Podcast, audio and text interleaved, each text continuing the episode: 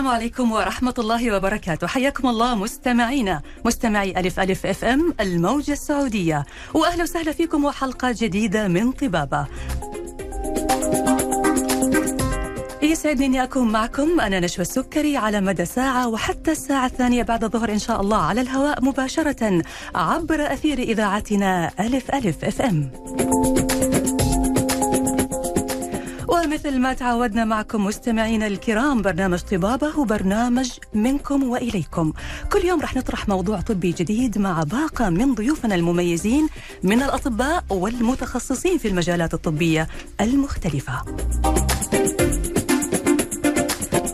وطبعا مستمعينا الأعزاء بما إنه برنامج طبابه هو برنامجكم فإحنا بنرحب دوما بمقترحاتكم والمواضيع اللي حابين إنه إحنا نطرحها من خلال البرنامج. وبإمكانكم إرسال مقترحاتكم على واتس البرنامج 0556690001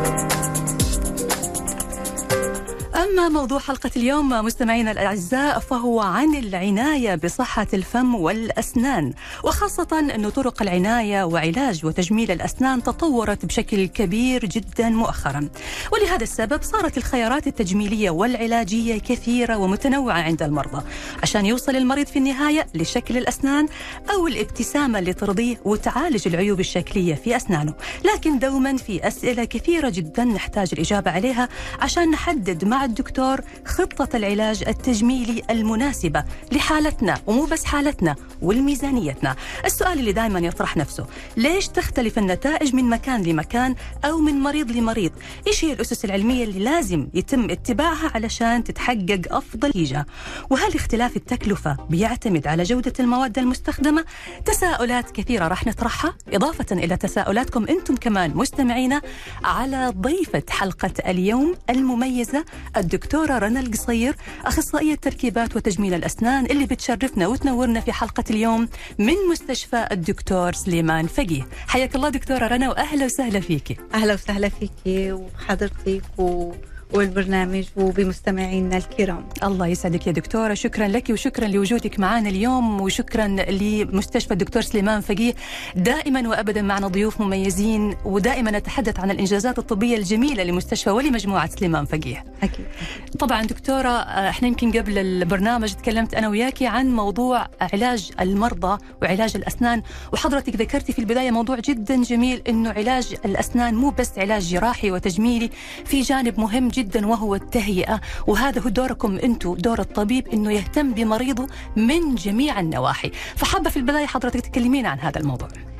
آه يمكن اليوم الموضوع اللي أنا بدي أحكي فيه بمس طائفي أو مجموعة كبيرة من المرضى اللي بيراجعوا العيادة خصوصا عيادات التجميل وتركيب الأسنان آه عنا بالمستشفى. آه نحن لما بنحكي على التجميل التجميل بالذات تجميل الأسنان في مفهوم خاطئ عند مجموعة كبيرة من الناس أنه التجميل أسنان هو أسنان بيضة ومتراصة. التجميل هو ابتسامة جميلة جذابة. بتلائم الإنسان وبتلائم شخصيته بتلائم الطابع الجمالي اللي هو فيه. كل إنسان رب العالمين عاطيه طبعة أو أو أو صفة أو خطوط عامة في وجهه لازم الابتسامة تكون ماشي معه. الابتسامة هي جاذبية الإنسان هي ثقته بنفسه. كثير بتلعب دور الابتسامة بثقة الإنسان وبمظهره وبتأثيره على الناس اللي عم يتكلم معهم أو عم يقابله للأسف أنا إجاني حالات كثير كان المريض يدخل يقول لي أو تقول لي عمري 25 سنة أو 23 بهالأعمار تقول لي أنا جاي بس بدي عندي هدف واحد إني أنا أضحك. أنا بكل هالعمر بستحي إني أضحك. ما باخذ صور بس بدي إنه تطلع ابتسامتي جميلة مقبولة. لما هي بتضحك بتطلع عليها ما بلاقي عندها يعني اللي هي عم تقوله. كثير شيء مبالغ فيه. للأسف هذا بيرجع للناس اللي حواليها عاملين لعقدي من حالها. فنحن هون بنبدأ. قبل ما نبدأ نحن نشتغل أو نخطط أو نقرر شو خطة المعالجة لازم نقعد نحكي مع المريض لازم نسمع المريض آه لازم نرجع له ثقته بنفسه لأنه أحيانا إذا ما لعبنا أو اشتغلنا على هالنقطة بالذات شو ما اشتغلنا بتلاقي المريض مش رضيان بتلاقيه بيطلع بيطلع من عنا بيروح على العياده الثانية على العياده الثالثه هون بيرجع دور الطبيب المتخصص اللي واثق من نفسه اللي عنده خبرة اللي بيقدر إنه هو أهم شيء إنه يشتغل بأسس علمية صحيحة وبالوقت نفسه يوصل للمريض الهدف اللي هو جاي مشانه. جميل. يعني أنا إذا مريضي أو مريضتي أعطيتهم الابتسامة اللي هي بيرفكت بالأخير المريض لسه عنده هالعقده اللي هو حاسس إنه هو مش إنسان طبيعي بيقدر يضحك فأحيانا قبل التجميل بكون عندنا جلسات تهيئة نسمع فيها فقط للمريض. بقول للمريضة أو للمريض عود احكي لي شو مشكلتك؟ أنت شو اللي مو عاجبك تلاقي للأسف مش عارف يعني هو شو اللي ما عاجبه أو هو وين مشكلته. هون نحن بنقعد بنبدأ بخطوة ورا خطوة بنحكي للمريض شو هي الابتسامة أو شو هو الشيء اللي بيخلي ابتسامته جذابة. آه فبدنا نحكي عن العوامل بنبدأ بنحكي على أشياء كثير منها. بيجي المريض لما بيجي جايب معه صورة باللي أنا بدي ابتسامتي مثل هيدي الابتسامة بالضبط. بنقول له طيب هيدا المريض اللي أنت جايب صورته أو صورتها وجهها مثلا مدور أنت وجهك مستطيل ما بتناسبك.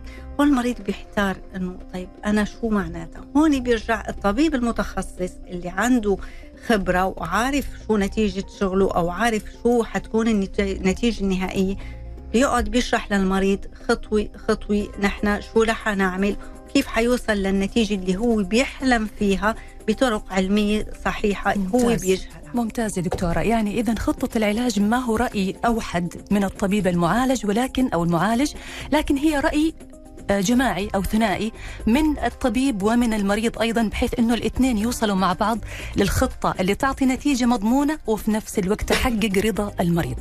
بالضبط نعم. بالذات بالتجميل رأي المريض مهم لأنه التجميل أو الجمال شيء نسبي يعني اللي ممكن يعجبني كل ما يعجب شيء ثاني. المريض بالتجميل له دور معين ما بصير يتجاوزه لأنه في نقاط طبية بجوز ما نقدر نحققها. ما فيني أنا أعمل لمريضي الشيء اللي بده إياه إذا كانت حالته ما بتسمح.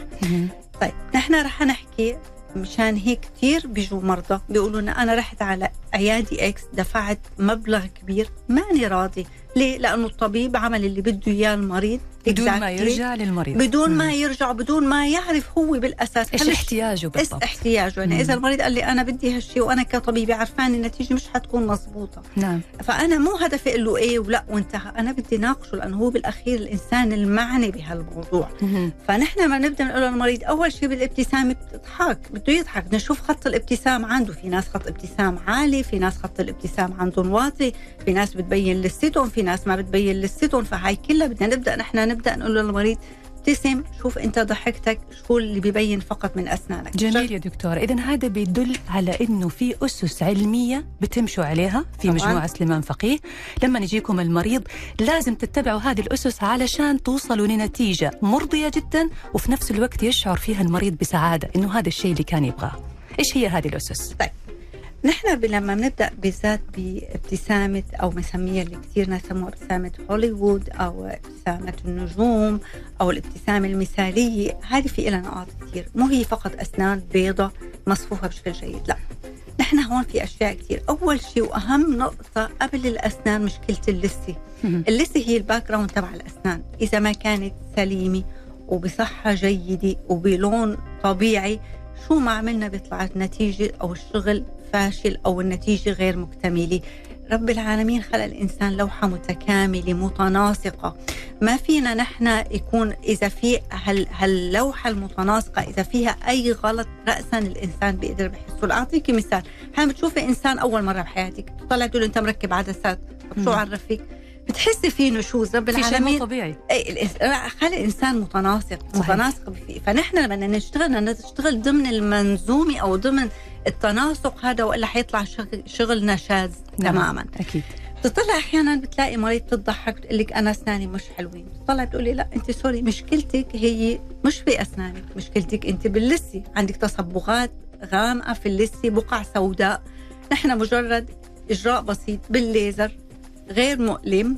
بوقت ما بيتجاوز ربع ساعة أو نص ساعة بنعمل شيء اسمه تقشير وتشقير لللثة بنزيل كل هالتصبغات. تلاقي النتيجة مبهرة. اللي المريضة معقولة؟ أنا بنص ساعة. طب أنا ليك أسناني ما أحلاها؟ طيب نحن شو عملنا؟ نحن اللي عملناه إنه نحن عرفنا المشكلة. مو المشكلة إنك تحليها. نحن حل المشكلة سهل. المشكلة تعرفي وين مشكلة مريضتي. أكيد. أح- فنحن هون بنبدأ. أول شيء بنعمل بنجهز الجو الملائم ليكون شغلنا ناجح وجيد وبيلبي احتياجات المريض. ممتاز. فأول شيء مثل ما قلت بننظر لللسته إذا كان فيها أي مشاكل وهي كثير للأسف بتواجهنا نلجأ أول شيء لعلاج اللسه بشكل تام لتكون عنا لسه صحية. لأنه إذا ما اشتغلنا على لسه صحية نحن عم نحكم على عملنا بالفشل أو أقل شيء نسبة الجمال حتنزل بنسبة لا تقل عن 30 40% مهم. الشغلة الثانية أنت حضرتك كثير شغلة قلتيها ضرورية ومهمة أنه التجميل كل واحد تجميل بيقول لك بنكلف. بكلف كثير أنا ما معي. لا يا جماعة في مليون ألف طريقة نحن ممكن نوصل لنتيجة جدا جميلة ومرضية بتكلفة كثير معقولة ومناسبة. أنا هتوقف عند هذه الجزئية دكتورة لأنه الموضوع هذا مهم جدا لنا ولكل المستمعين موضوع التكلفة والإجراء الطبي اللي يكون مناسب لميزانيتي أنا. هنتابع هذا الموضوع مستمعينا لكن بعد هذا الفاصل.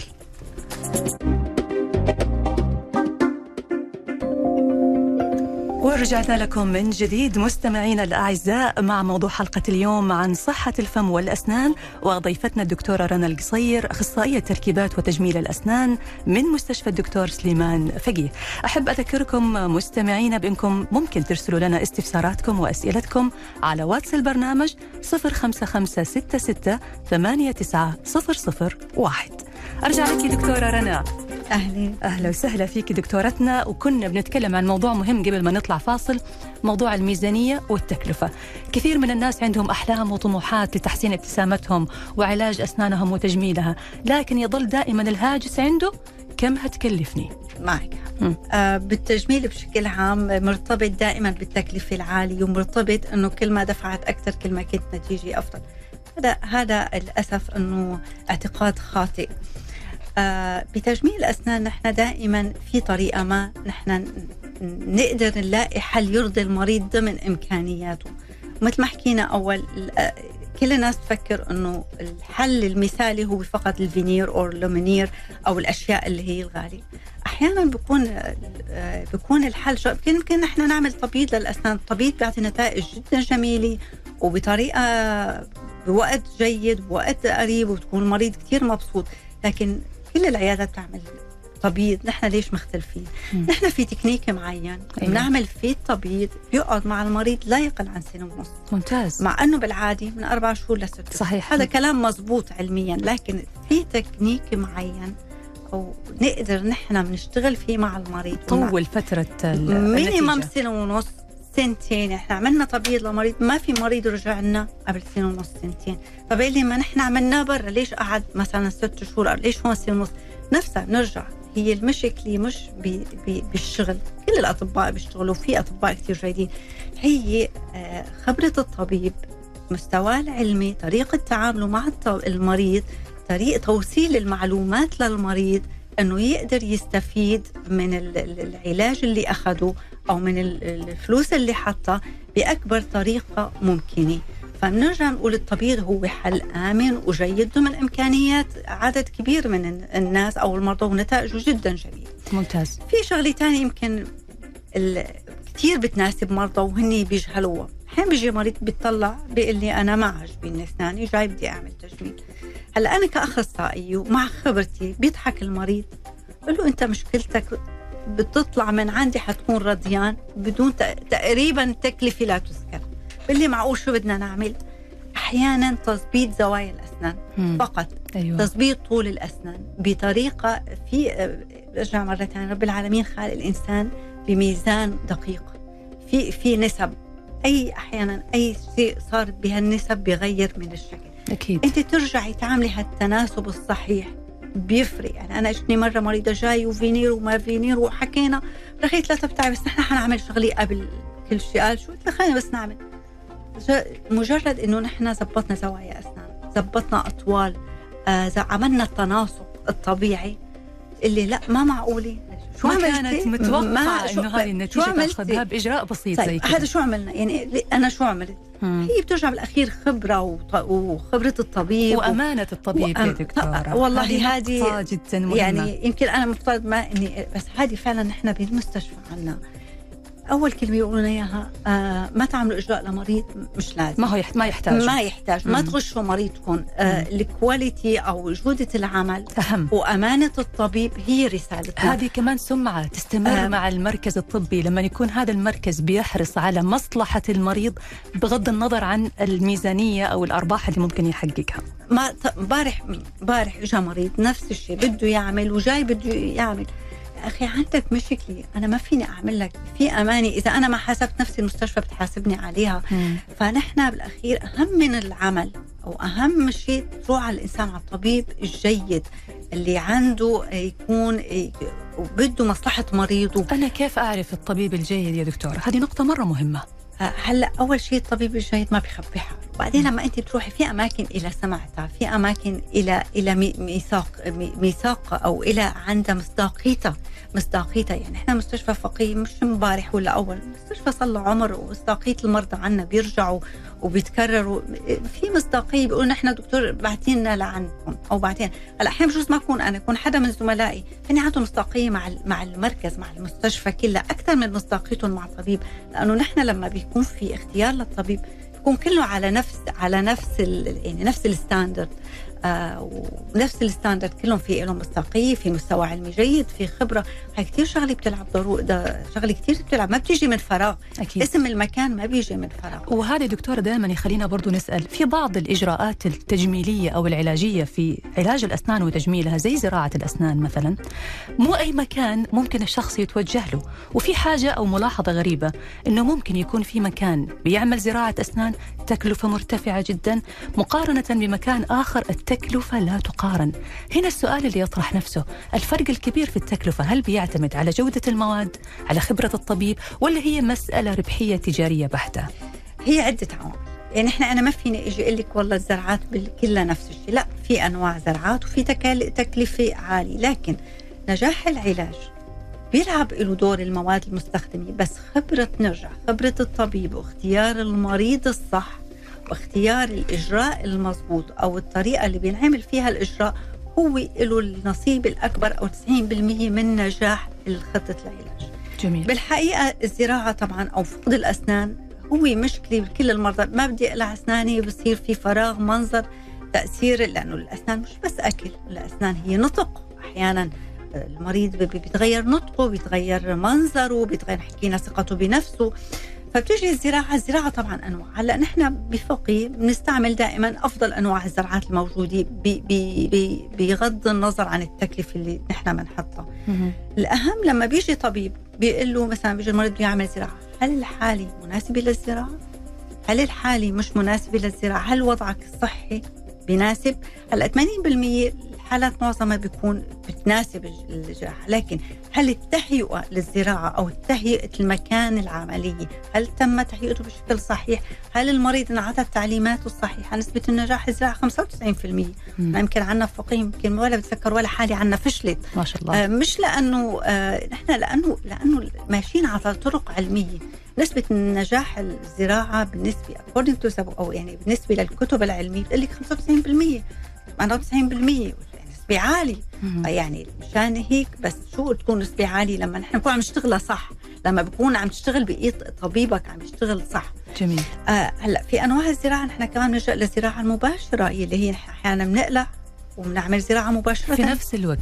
إذا كانت حالة المريض تسمح كمان بدك تحطي نقطتين مش كل مم. الحالات المرضى بتسمح إنه نعمل زراعة مباشرة. مهم. إذا حالة المريض بتسمح نحن بنعملها. لأنه عندنا الأطباء المتدربين ال- ذو الخبرة بيقدروا يعملوا هالعملية لأنه العملية مش سهلة. أو بدها خبرة أو بدها تكنيك معين وبدها مهارات عالية. نحن بنعملها لما حاله المريض الصحية تسمح. آه وبالحقيقة هذه كثير بت بت بتوفر على المريض وقت. وقت وتداخل جراحي ثاني إحنا بدنا نقلع ونرجع نعمل مرة ثانية حندخل بتداخل جراحي. بتوفر على المريض التعب بتوفر على المريض الوقت بتوفر عليه التكلفة.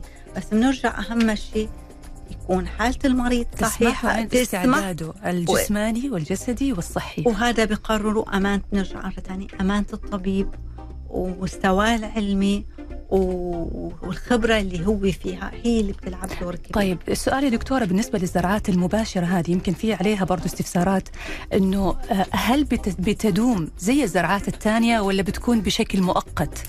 الزراعة إمتى؟ سواء كانت مباشرة أو غير مباشرة أو شو ما كان حجمها أو شو ما كان الكواليتي تبعها؟ إمتى ما نهينا أول ثلاثة أشهر أربعة أشهر وصار في ثبات إلها في العظم؟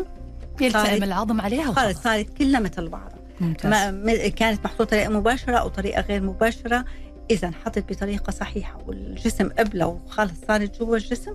كلهم بالأخير نسبتهم مثل بعض. ممتاز. إذا التقنيات مهمة جدا إضافة لخبرة الطبيب وامانته طبعا. كل هذه العوامل مع بعض بتساعد في تحقيق أفضل نتيجة دكتورة. تمام. تقنيات مثل تقنية الليزر مثلا أتوقع إنه تقنية مهمة جدا ومؤخرا تطورت بشكل كبير خاصة في علاج الألم أو في عدم إحساس المريض بالألم أثناء العمليات التجميلية. مظبوط. الليزر بالحقيقة آه كثير بيعملنا أو كثير بيريح المريض قبل الطبيب. لأنه طبعا إحنا بالذات الأسنان دائما في عندنا نقطتين الوجع بخاف المريض المؤلم أو الإجراءات مؤلمة. الليزر نحن أكثر شيء بنستعمله بعلاجات اللثه أو النسج الرخوي نحن فينا نسميها. كنا حكينا أول عن طريق تبييض أو تقشير أو تشقير اللثه وإزالة التصبغات السوداء أو النقاط السوداء فيها عن طريق الليزر. بالليزر ما بنعطي تخدير. ما ما بنحتاج تخدير ما بنحتاج بيخفف الألم يعني؟ وبيشتغل العملية كلها بدون ألم.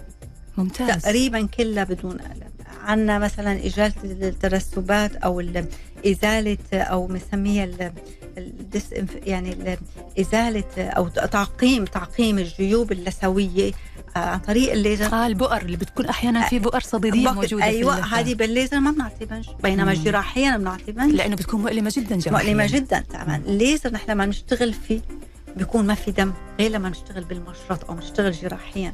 عدم وجود دم بخفف الإنفكشن بصير ما عندنا التهاب فبيطلع المريض راضيان لا في ألم لا في كمان. بعد العملية النتائج لما نستعمل الليزر بتكون النتائج أفضل بكثير من التداخل الجراحي. ما تاخذ وقت طويل في عملية الشفاء أو التئام الجروح. والليزر مش مكلف يعني مش فينا نقول لا لا تقريبا بيفرق شيء بسيط عن العمليات الثانية. بعدين أحيانا يعني كنا عم نحكي على التجميل.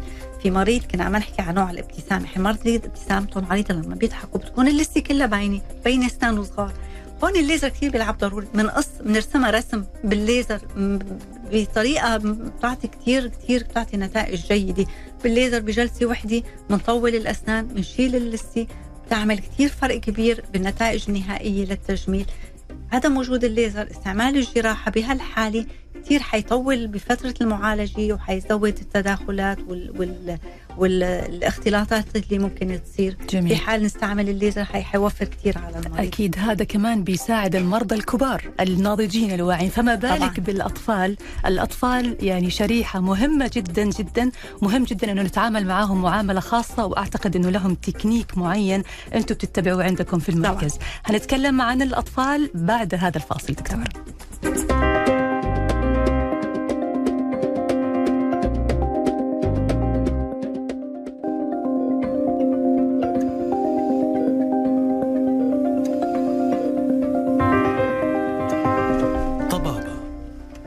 ونرحب فيكم مرة ثانية مستمعينا الكرام مع برنامج طبابة عبر أثير إذاعتكم ألف ألف أف أم ومع ضيفتنا ونجمة حلقتنا اليوم الدكتورة رنا القصير أخصائية تركيبات وتجميل الأسنان من مستشفى الدكتور سليمان فقيه. وأحب أنوه أنه هذه الحلقة برعاية مستشفى الدكتور سليمان فقيه. دكتورة رنا أحييكي مرة ثانية وأرحب فيكي في برنامجنا. وقبل الفاصل كنا بنتكلم عن الأطفال. وقلنا إنه الأطفال شريحة مهمة جدا مو بس الأطفال الأطفال والكبار. التعامل مع مع طبيب الأسنان بعض الأحيان بيكون فوبيا بشكل خوف عند الكثير من الناس. فما بالك بالأطفال؟ فهنا مهم بعد العودة للدراسة ورجعنا مرة ثانية للحلويات والسكريات والأشياء اللي بتخرب الأسنان هذه بتكثر مشاكل الأسنان عند الأطفال وبيحتاج الطفل إلى طبيب من نوعية خاصة ومتابعة وتكنيك معين عشان يتم علاج أسنانه بدون ما يتكون عنده الفوبيا والخوف من طبيب الأسنان وعيادة الأسنان. آه لما كل أم أو كل أب بيكون ابنهم أو بنتهم عندها موعد مع دكتور الأسنان يمكن بيكون الهاجس تبع الأم إنه أنا كيف بده يقعد ابني على الكرسي كيف بده هلأ يبكي؟ كيف بده ياخذ الأبري؟ يعني هذا الهاجس الطبيعي. آه نحن عندنا بمستشفى دكتور سليمان فقيه عندنا قسم أسنان الأطفال. عندنا أطباء آه متخصصين. آه بأسنان الأطفال عندهم خبرة طويلة. الهدف لما بيجي طفل أول مرة بالذات أول مرة يكون طفل لسه ما عنده خبرة آه على العيادي آه سلوكيات السيطرة على سلوكيات الطفل كثير ضروري. نخلي الطفل يتأقلم مع العيادي. فأول زيارة الأطباء اللي عنا إذا ما كان الطفل بمرحلة متألم أو في عنده مشكلة واضحة يعني خراج أو شيء بوضع جاي كزيارة أول زيارة. أول شيء لهم هن بيعملوا تأقلم أو بيشتغلوا على سلوكيات الطفل بيخلوا الطفل يتأقلم مع العيادي مشان لما تكون الزيارة الثانية بالنسبة له محببة يجي هو مبسوط. يكون في تعاون من الطفل. هذه مشكلة عيادي بتلاقيها. يعني إحنا بيجي مريض أنا بتقلي الطبيب مثلا أو الطبيب نحن ما عملنا شيء اليوم. نحن مش مطلوب منك تعمل. أول جلسة وثاني جلسة. هيدا حق المريض حق الطفل. أنت عم تشيل عقدة منه ممكن لازمه طول حياته. فسلوكيات قدرة الطبيب على التعامل مع الطفل وإدراكه لجميع سلوكيات الطفل الخائف الطفل اللي بيقلق الطفل اللي بيسأل الطفل اللي بيتحرك كثير هاي كلها الطبيب بده يكون واعي إلى ويعرف يتعامل معها ممتاز. هلا إجينا تأقلم الطفل صار مرحب بالقعدة وبدأ يشتغلوا. طبعا بنرجع الأسنان اللبنية هي صحيح أسنان مؤقتة لكن إلى دور مهم بالمرحلة اللي هو موجود فيها بمرحلة اللي هي مرحلة تقريبا قبل من عمر تقريبا سنتين لعمر تقريبا عشر سنين لما بيبدأ أو ست سنين بتبدأ التبديل للأعمار المتقدمة أكثر. شو ممكن يقدم طبيب الأسنان للأطفال؟ ممكن يقدم كثير شغلات، هلا أول شيء ممكن يقدم طبعا العلاج العادي اللي هي التسوسات ومعالجة الأسنان وهدول. لكن هل هو هيك فقط وظيفته كطبيب أسنان اطفال؟ لا.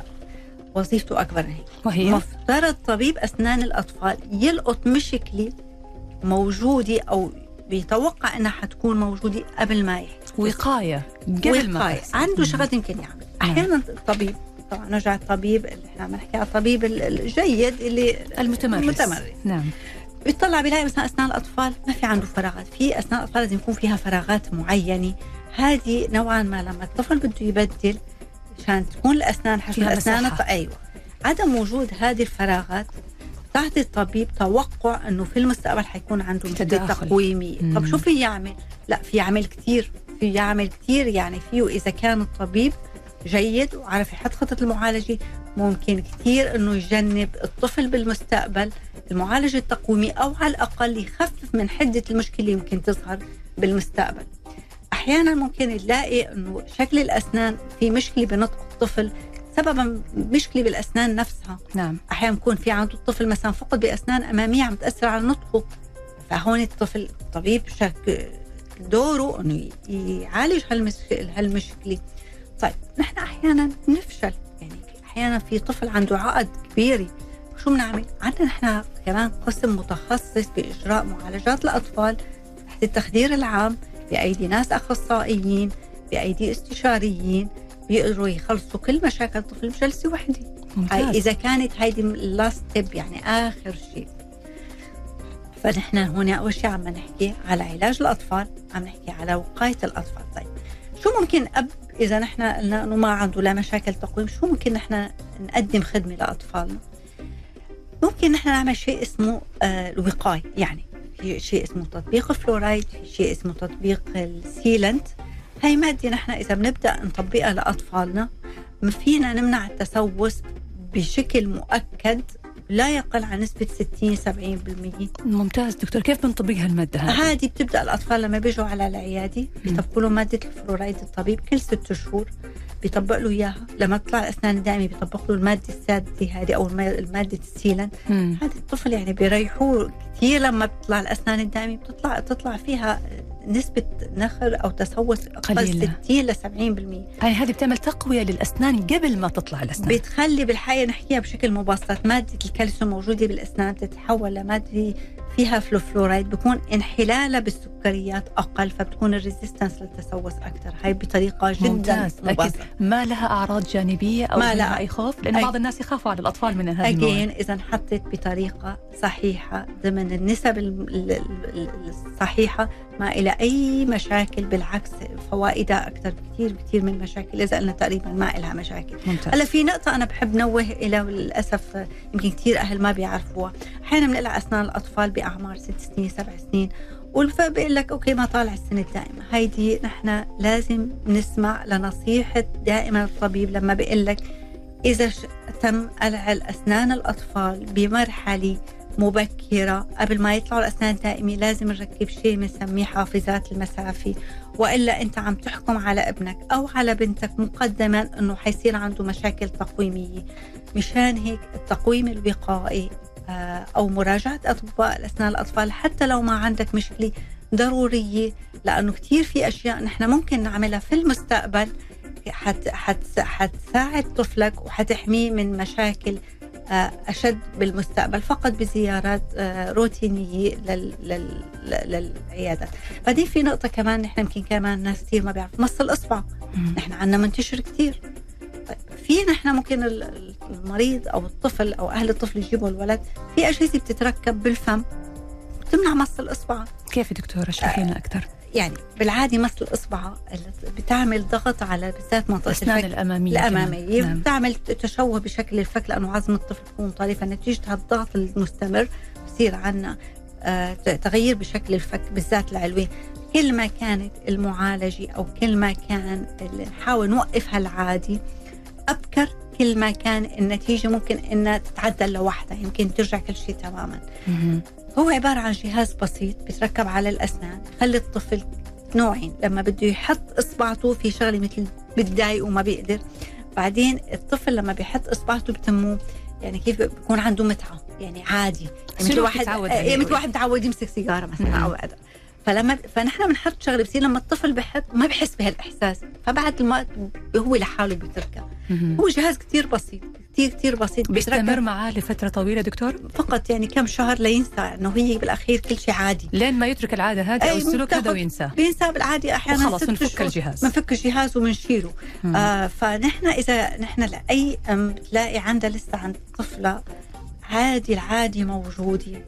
كل ما كانت لجوءها لطبيب أسنان الأطفال. مبكر كل ما عرفت أنه هي أو المشاكل اللي حتنتج عن مص الإصبع حتكون علاجها أسهل أو حتى أحيانا ممكن ترجع نسميها ردود يعني شو صار مثلا؟ التشوه بشكل فك إذا وقفنا العادة ممكن كل شيء يرجع. في عادات كثير إحنا هلا مو مجال إنه نحكي فيها في عادات كثير عاده مص الاصبع شيء نسميه طريقة البلع طريقة في أشياء كثيره بالحقيقة طبيب آه إذا ليش نحكي إنه طبيب ذو الخبرة بيقدر يلقطها من فحص الطفل آه من لما بيجي على الطفل بيلاقي عنده مشاكل معينة الأهل مش محت... مش حاسين فيها فبيقدر إنه يوجه الأهل آه ويساعدهم إنه يتخلصوا. كمان في نقطة مهمة مش بس جهات إحنا كنت عم الف جهات لا. في تهيئة نفسيه للطفل. علاج سلوكي. علاج سلوكي وعلاج الطفل. انت الطفل لما يتعود انه يحط ايده ويمصها طول النهار بده يقوم بتعملي بتعلمي الأهل أو تدربي أو تثقفي الأهل كيف يتعاملوا مع الطفل بهالمرحلة. يعني نحن بالأخير تيم العلاج دائما مش بس طبيب ومريض. يعني طبيب أحيانا مريض أحيانا ناس حواليك. ف كثير شغله ضروريه إنه نحن نرجع ونحط خطة المعالجة الكاملة اللي نحن ممكن تعطينا أفضل النتائج. نرجع على إيد طبيب أخصائي يقدر يعطينا كل الخطة كاملة. خطة كاملة مش واحد اثنين لا من اي تو زد لنعطي النتيجة اللي نحن بدنا إياها. طبعا آه، مشاكل الأسنان أو الاهتمام بصحة الفم والأسنان شيء لازم يستمر معنا مدى الحياة. ويمكن كبار السن تحديدا ممكن تكون عندهم مشاكل في العناية بصحة الأسنان يعني خاصة بعد فترة يعني 60 مثلا أو 70 ويمكن بيكون في شوية صعوبة في التعامل مع كبير السن. السن لأنه أسنانه بتكون خلاص ضعفت والخيارات ما بتكون خيارات كثيرة أمامه يعني. ومن الأشياء المهمة اللي بت تساعد كثير في تحسين حالته النفسية بالذات كبار السن أنه يشعر أنه لازال شاب وأسنانه لازالت شابة. هنتكلم عن هذه الجزئية دكتورة لكن بعد ما ناخذ فاصل قصير ونرجع نواصل حوارنا.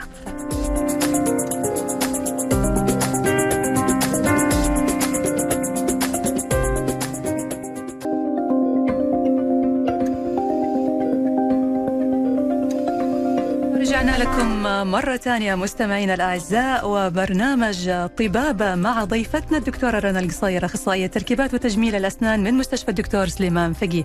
حياك الله دكتورة رنا مرة ثانية إحنا الآن دكتورة تقريبا في الجزء الأخير من حلقة اليوم قبل الفاصل كنا بنتكلم عن كبار السن وأهمية العناية بأسنانهم وإشعارهم دائما أنهم لا زالوا يتمتعوا بصحة وعافية. والأسنان هي المدخل هي مرآة الوجه اللي بتعطي للإنسان إحساس براحة نفسية أو سعادة وتنعكس على صحته الجسدية.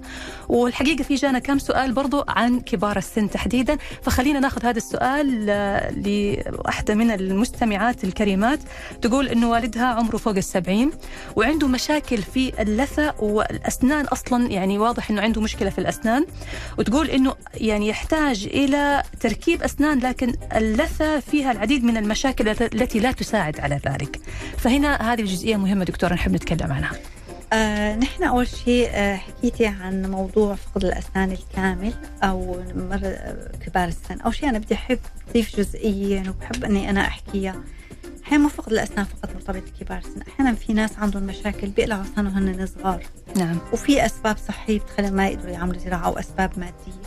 آه تركيبات أو الأطقم السنية الكاملة مش هي فقط لكبار السن. آه هي خطة معالجة قد تكون مناسبة لأي عمر.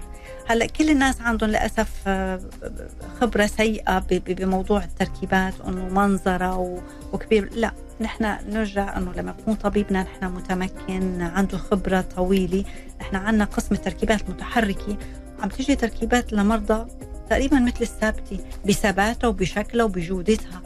تكون تقريبا مثل الثابت فلما المريض محتاجة بيجي بيقول لك لا أنا ما بدي ركب بدلي لا لما بيعمل ما بنعمل له إياه بقول لا مش فارق أنا ما مش مبين أصلا إني وبيتعود عليها بعد. بيتعود بيتعود عليها يعني إذا هي معمولة بطريقة صح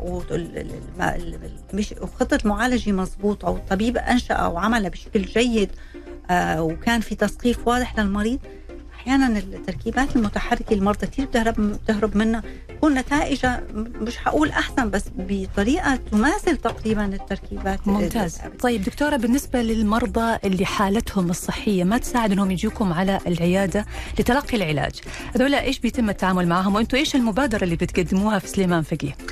آه طبعا في ناس ظروفهم الصحية ما بتسمح لهم إنه يجوا على العيادات ما بيقدروا حركتهم صعبة. في ظروف صحية.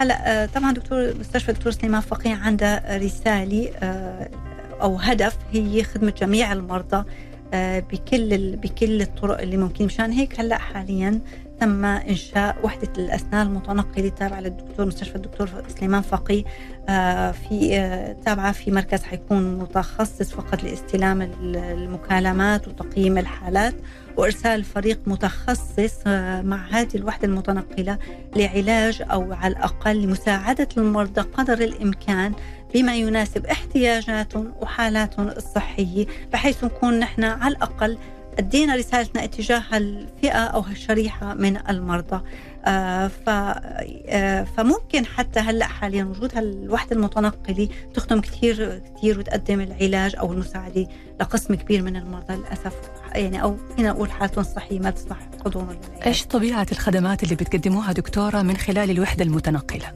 كل تقريبا نحن ما فينا نقول كل يعني نحن فينا نقدم جزء كبير من المعالجات أو نحل شكوى قسم كبير من شكاوى المرضى آه، أو على الأقل إذا في ألم أو في حالة امرجنسي نحن فينا على الأقل نحل ونخلي حالة المريض ستيبل ونقدم له العلاج بحيث إنه يقدر يتأقلم مع مشكلته أو نحل له إياها أحيانا بشكل كامل عن طريق الوحدة المتنقلة اللي نحن حكينا معها. حيكون في فريق كامل بكل التخصصات كامل لخدمة المرضى اللي محتاجين. هذه جزء من رسالتنا هذه جزء من رسالتنا. البعض قد يتساءل دكتورة رنا هل هتكون مكلفة على المرضى؟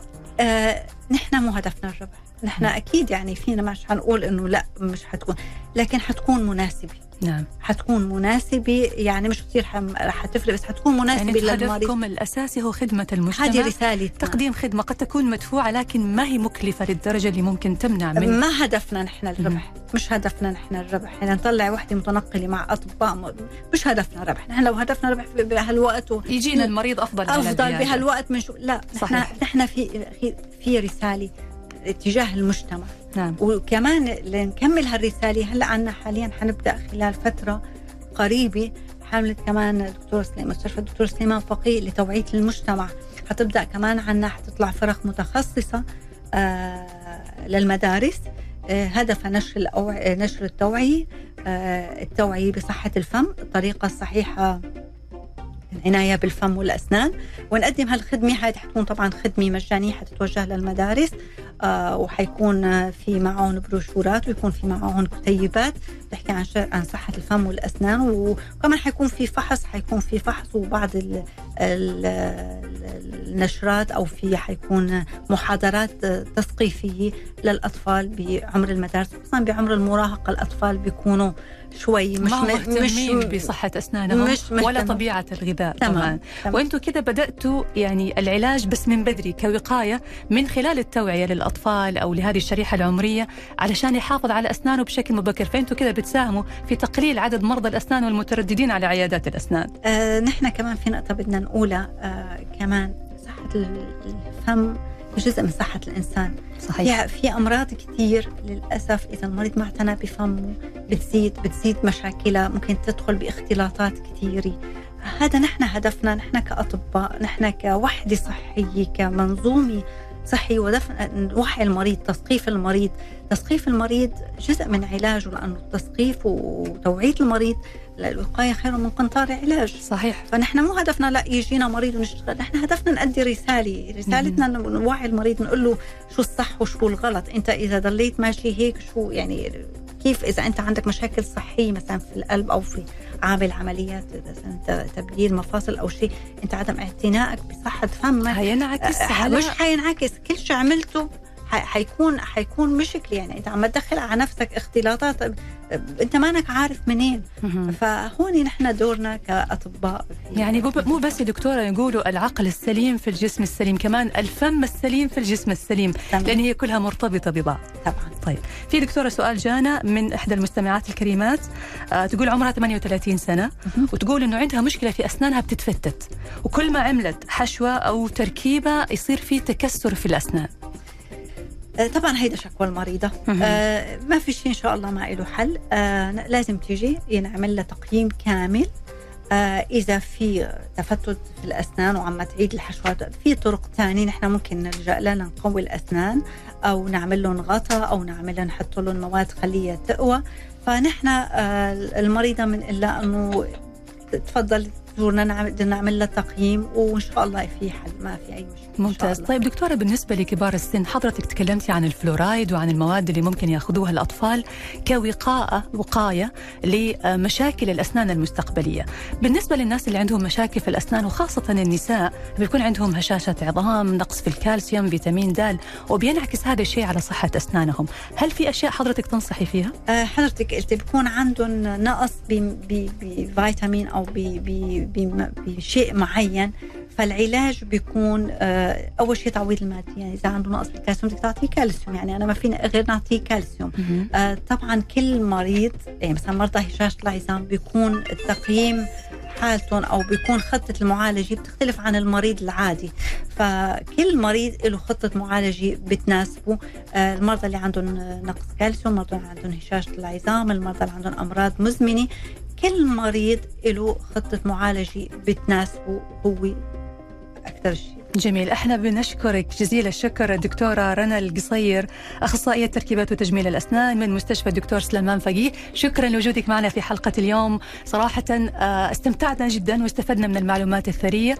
وبنشكر مجموعة سلمان فقيه على مبادراتها التوعوية وعلى إنجازاتها الطبية كمجموعة طبية عريقة في المملكة. تسلمي وأنا بدي أتشكركم إنه أعطيتوني الفرصة إني أنا أحكي باسم المستشفى اللي أنا بمثلها وإنه أدي جزء من رسالتنا اللي هي نحن نحكي ونشرح آه ونوعي المرضى على قد ما نقدر الله يسعدك. شكرا دكتورة. شكرا, شكرا لك وشكرا لمستمعينا الكرام. وصلنا إلى ختام حلقة اليوم. نلقاكم إن شاء الله في حلقة الغد بإذن الله تعالى.